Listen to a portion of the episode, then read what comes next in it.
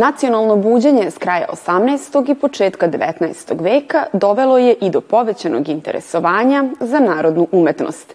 Muzika, igre i običaj prvi put su zapisani nakon što su se vekovima prenosili s kolena na koleno. Nauka koja proučava melodije, ritmove i instrumente naziva se etnomuzikologija, a prvim etnomuzikolozima na našim prostorima smatraju se Kornelije Stanković, Stevan Mokranjac i Ludvig Kuba. I upravo o značaju rada poslednjeg govorimo u današnjoj arteriji. Doprinos Ludvika Kube istraživanju tradicionalne muzike slovenskih naroda predstavio je profesor Nice Fracile u Digitalnom omladinskom centru. Crteži Brankice Končarević izloženi u Malom likovnom salonu u Novom Sadu. U Srpskom narodnom pozorištu Svečanom akademijom završeni dani sećanja na doktora Špiru Matijevića.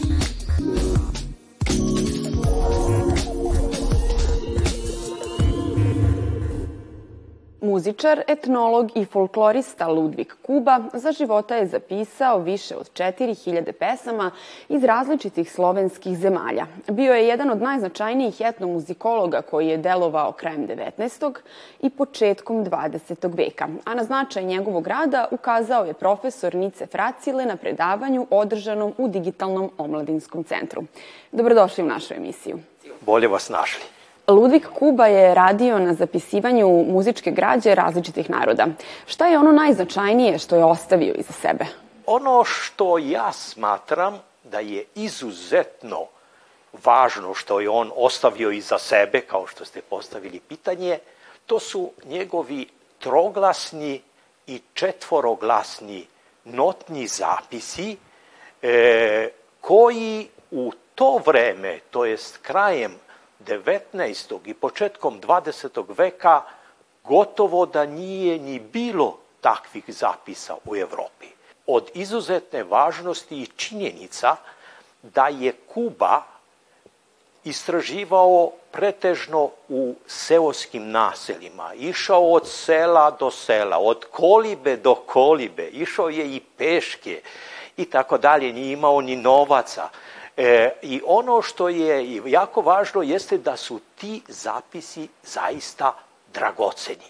Takođe smatram izuzetno zanimljivim što je Kuba bio veoma pedantan, pa je on zabeležio ime i prezime kazivača, što omogućuje kako sadašnjim, tako i budućim etomuzikolozima da idu tragom njegovih notnih zapisa. Pored muzike, bavio se i slikarstvom. Na svoju građu podelio je na tri monumentalna individualistička projekta. Koja? Slovenstvo u svojim slikama, likovnost i čitanja slovenskih kultura, putopisna etnografija. Ono što želim posebno da naglasim jeste da rezultati njegovog naučno-istraživačkog rada, kada je reč o etomuzikološkim e, prilozima i o muzikološkim aktivnostima i o tradicionalnim pesmama, je sve to e, zabeležio u okviru 15 svezaka. Ukupno oko 3000 melodija, a među ovih 3000 melodija nalazi se u petoj svezci e, 60 melodija iz Srbije. Koja su to saznanja koje dobijamo tumačeći za ostavštinu Kube i drugih etnomuzikologa i koliko je ta građa značajna za spoznaju sobstvene tradicije, ali i osnova za dalji rad savremenih etnomuzikologa?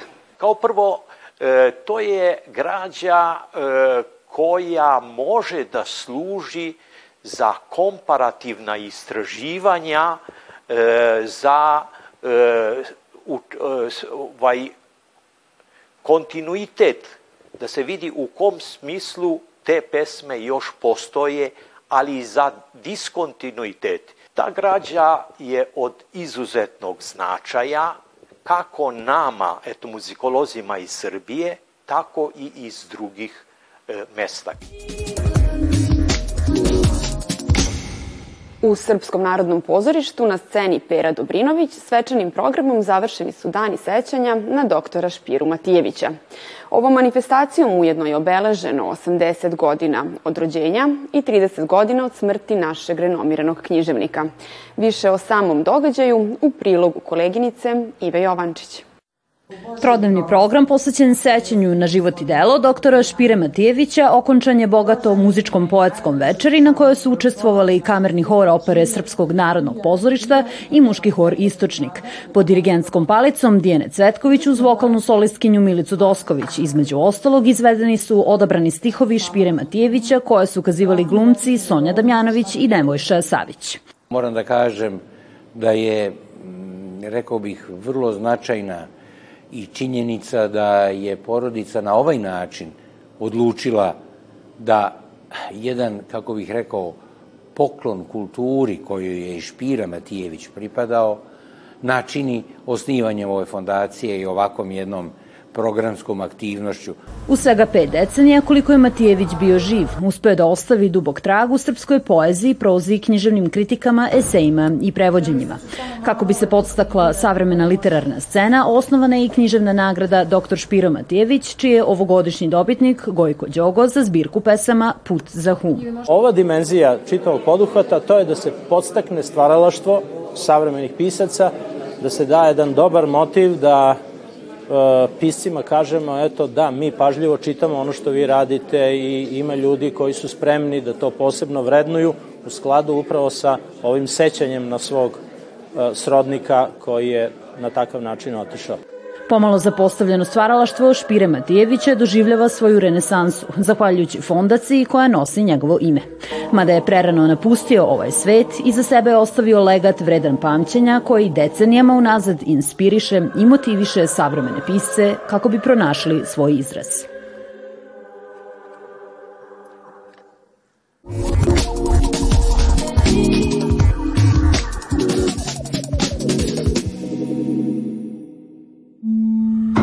Want to dance the mask, you must service the composer. Apsolutni hit ovogodišnjeg festa, film Tar Toda Fielda, pored vanserijske interpretacije Kate Blanchett u ulozi svetski poznate dirigentkinje Lidije Tar, donosi sa sobom i izazov na polemiku o političkoj korektnosti u Hollywoodu. Dvostruka Oskarovka Kate Blanchett, već ovenčana Zlatnim globusom i pobedom u kategoriji glavne glumice na venecijanskoj mostri za ulogu fiktivne, monstruozne dirigentkinje homoseksualne orijentacije, upravo kreće u pohod na svog trećeg Oskara, dok autor scenarija i potpisnik režije Todd Field, koji nije hteo da krene u snimanje ako za glavnu ulogu ne dobije baš nju, Blanchetovu, kreće u tu istu trku sa još pet nominacija. Radnja filma predstavlja nam slavnu kompozitorku, muzičarku, filantropkinju, te prvu ženu koja je ikada bila na čelu Berlinske filharmonije u trenutku dok se sprema da objavi svoju autobiografiju Tar on Tar.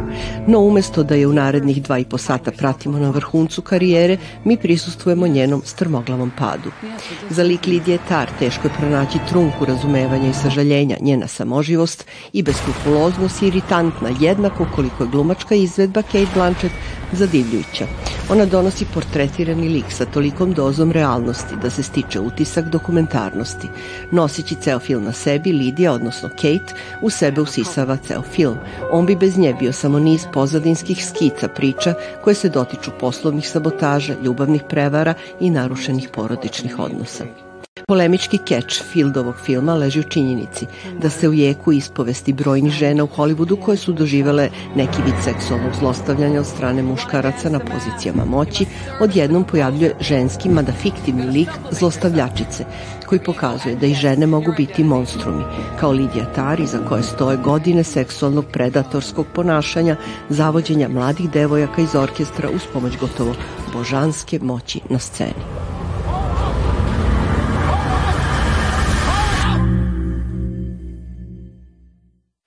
Srpska kinematografija dobila je jedno veliko priznanje.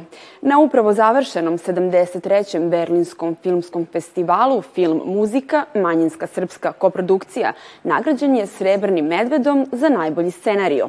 Režiju za ovo ostvarenje potpisuje nemačka rediteljka Angela Šanalek, a direktor fotografije je Ivan Marković.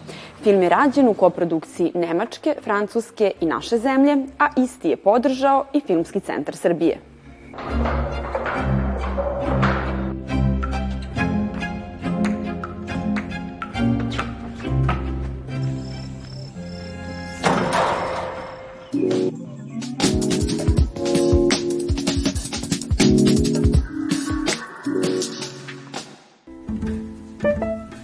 U galerijskom prostoru malog likovnog salona Kulturnog centra Novog Sada otvorena je izložba crteža Brankice Končarević.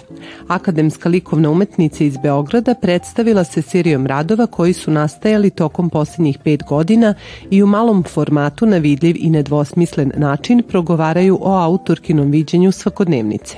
U stvari su oni uh, neki početni impuls. Prvo oni nastaju, a zatim se razvijaju u neke druge teme. Tako da pa moglo bi se usuditi da kažem da je to neka vrsta vođenja dnevnika, neke, da kažem, kako bih to nazvala, na njima se nađu te neke svakodnevne ovaj, preokupacije koje kasnije se razviju nešto drugo.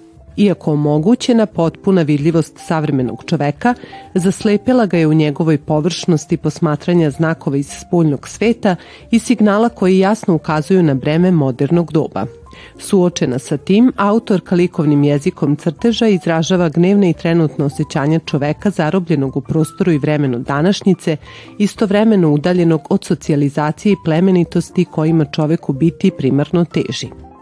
To se prosto da pojavilo kao neka nova, novi ciklus. Ranije su to bile neke abstrakcije, polako je počela da se pojavljuje figura, uh, ima nekih neobičnih spojeva, prosto ja kroz uh, svaku tu seriju, svake crteži ja nešto otkrivam novo. Prosto ti neki prvi su malo više ima tu nekog upliva nesvesnog, a te kasnije ja ovaj, malo svešćujem čime se ja to bavim, šta se tu u stvari iskreno ne deša.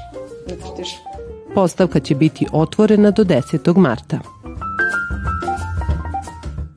Naša preporuka za utorak jeste da sutra u 19 časova posetite Novosadsko pozorište i pogledate premijerno izvođenje predstave Antigona. U modernoj postavci Romana Nikolića glavne uloge tumače Gabriela Crnković, Regina Sabo i Arpad Mesaroš. Hvala vam na pažnji i prijatno.